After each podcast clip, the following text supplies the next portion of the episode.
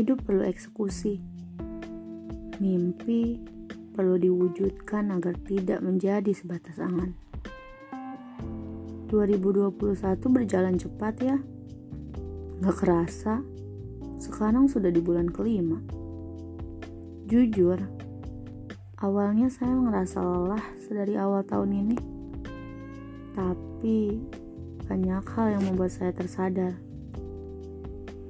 Jangan terus meratap. Waktu itu sudah lewat. Cukup dijadikan pelajaran untuk terus berjalan ke depan.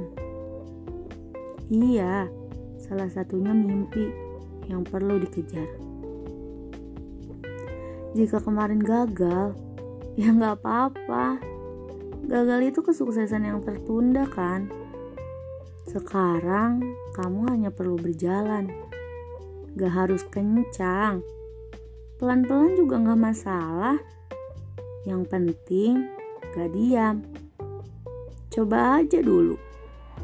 Kalau kamu diam dan gak mau nyoba, kamu gak akan tahu kesuksesan kamu kapan. Semua need proses. Gak akan ada kesuksesan yang datang nyamperin kamu.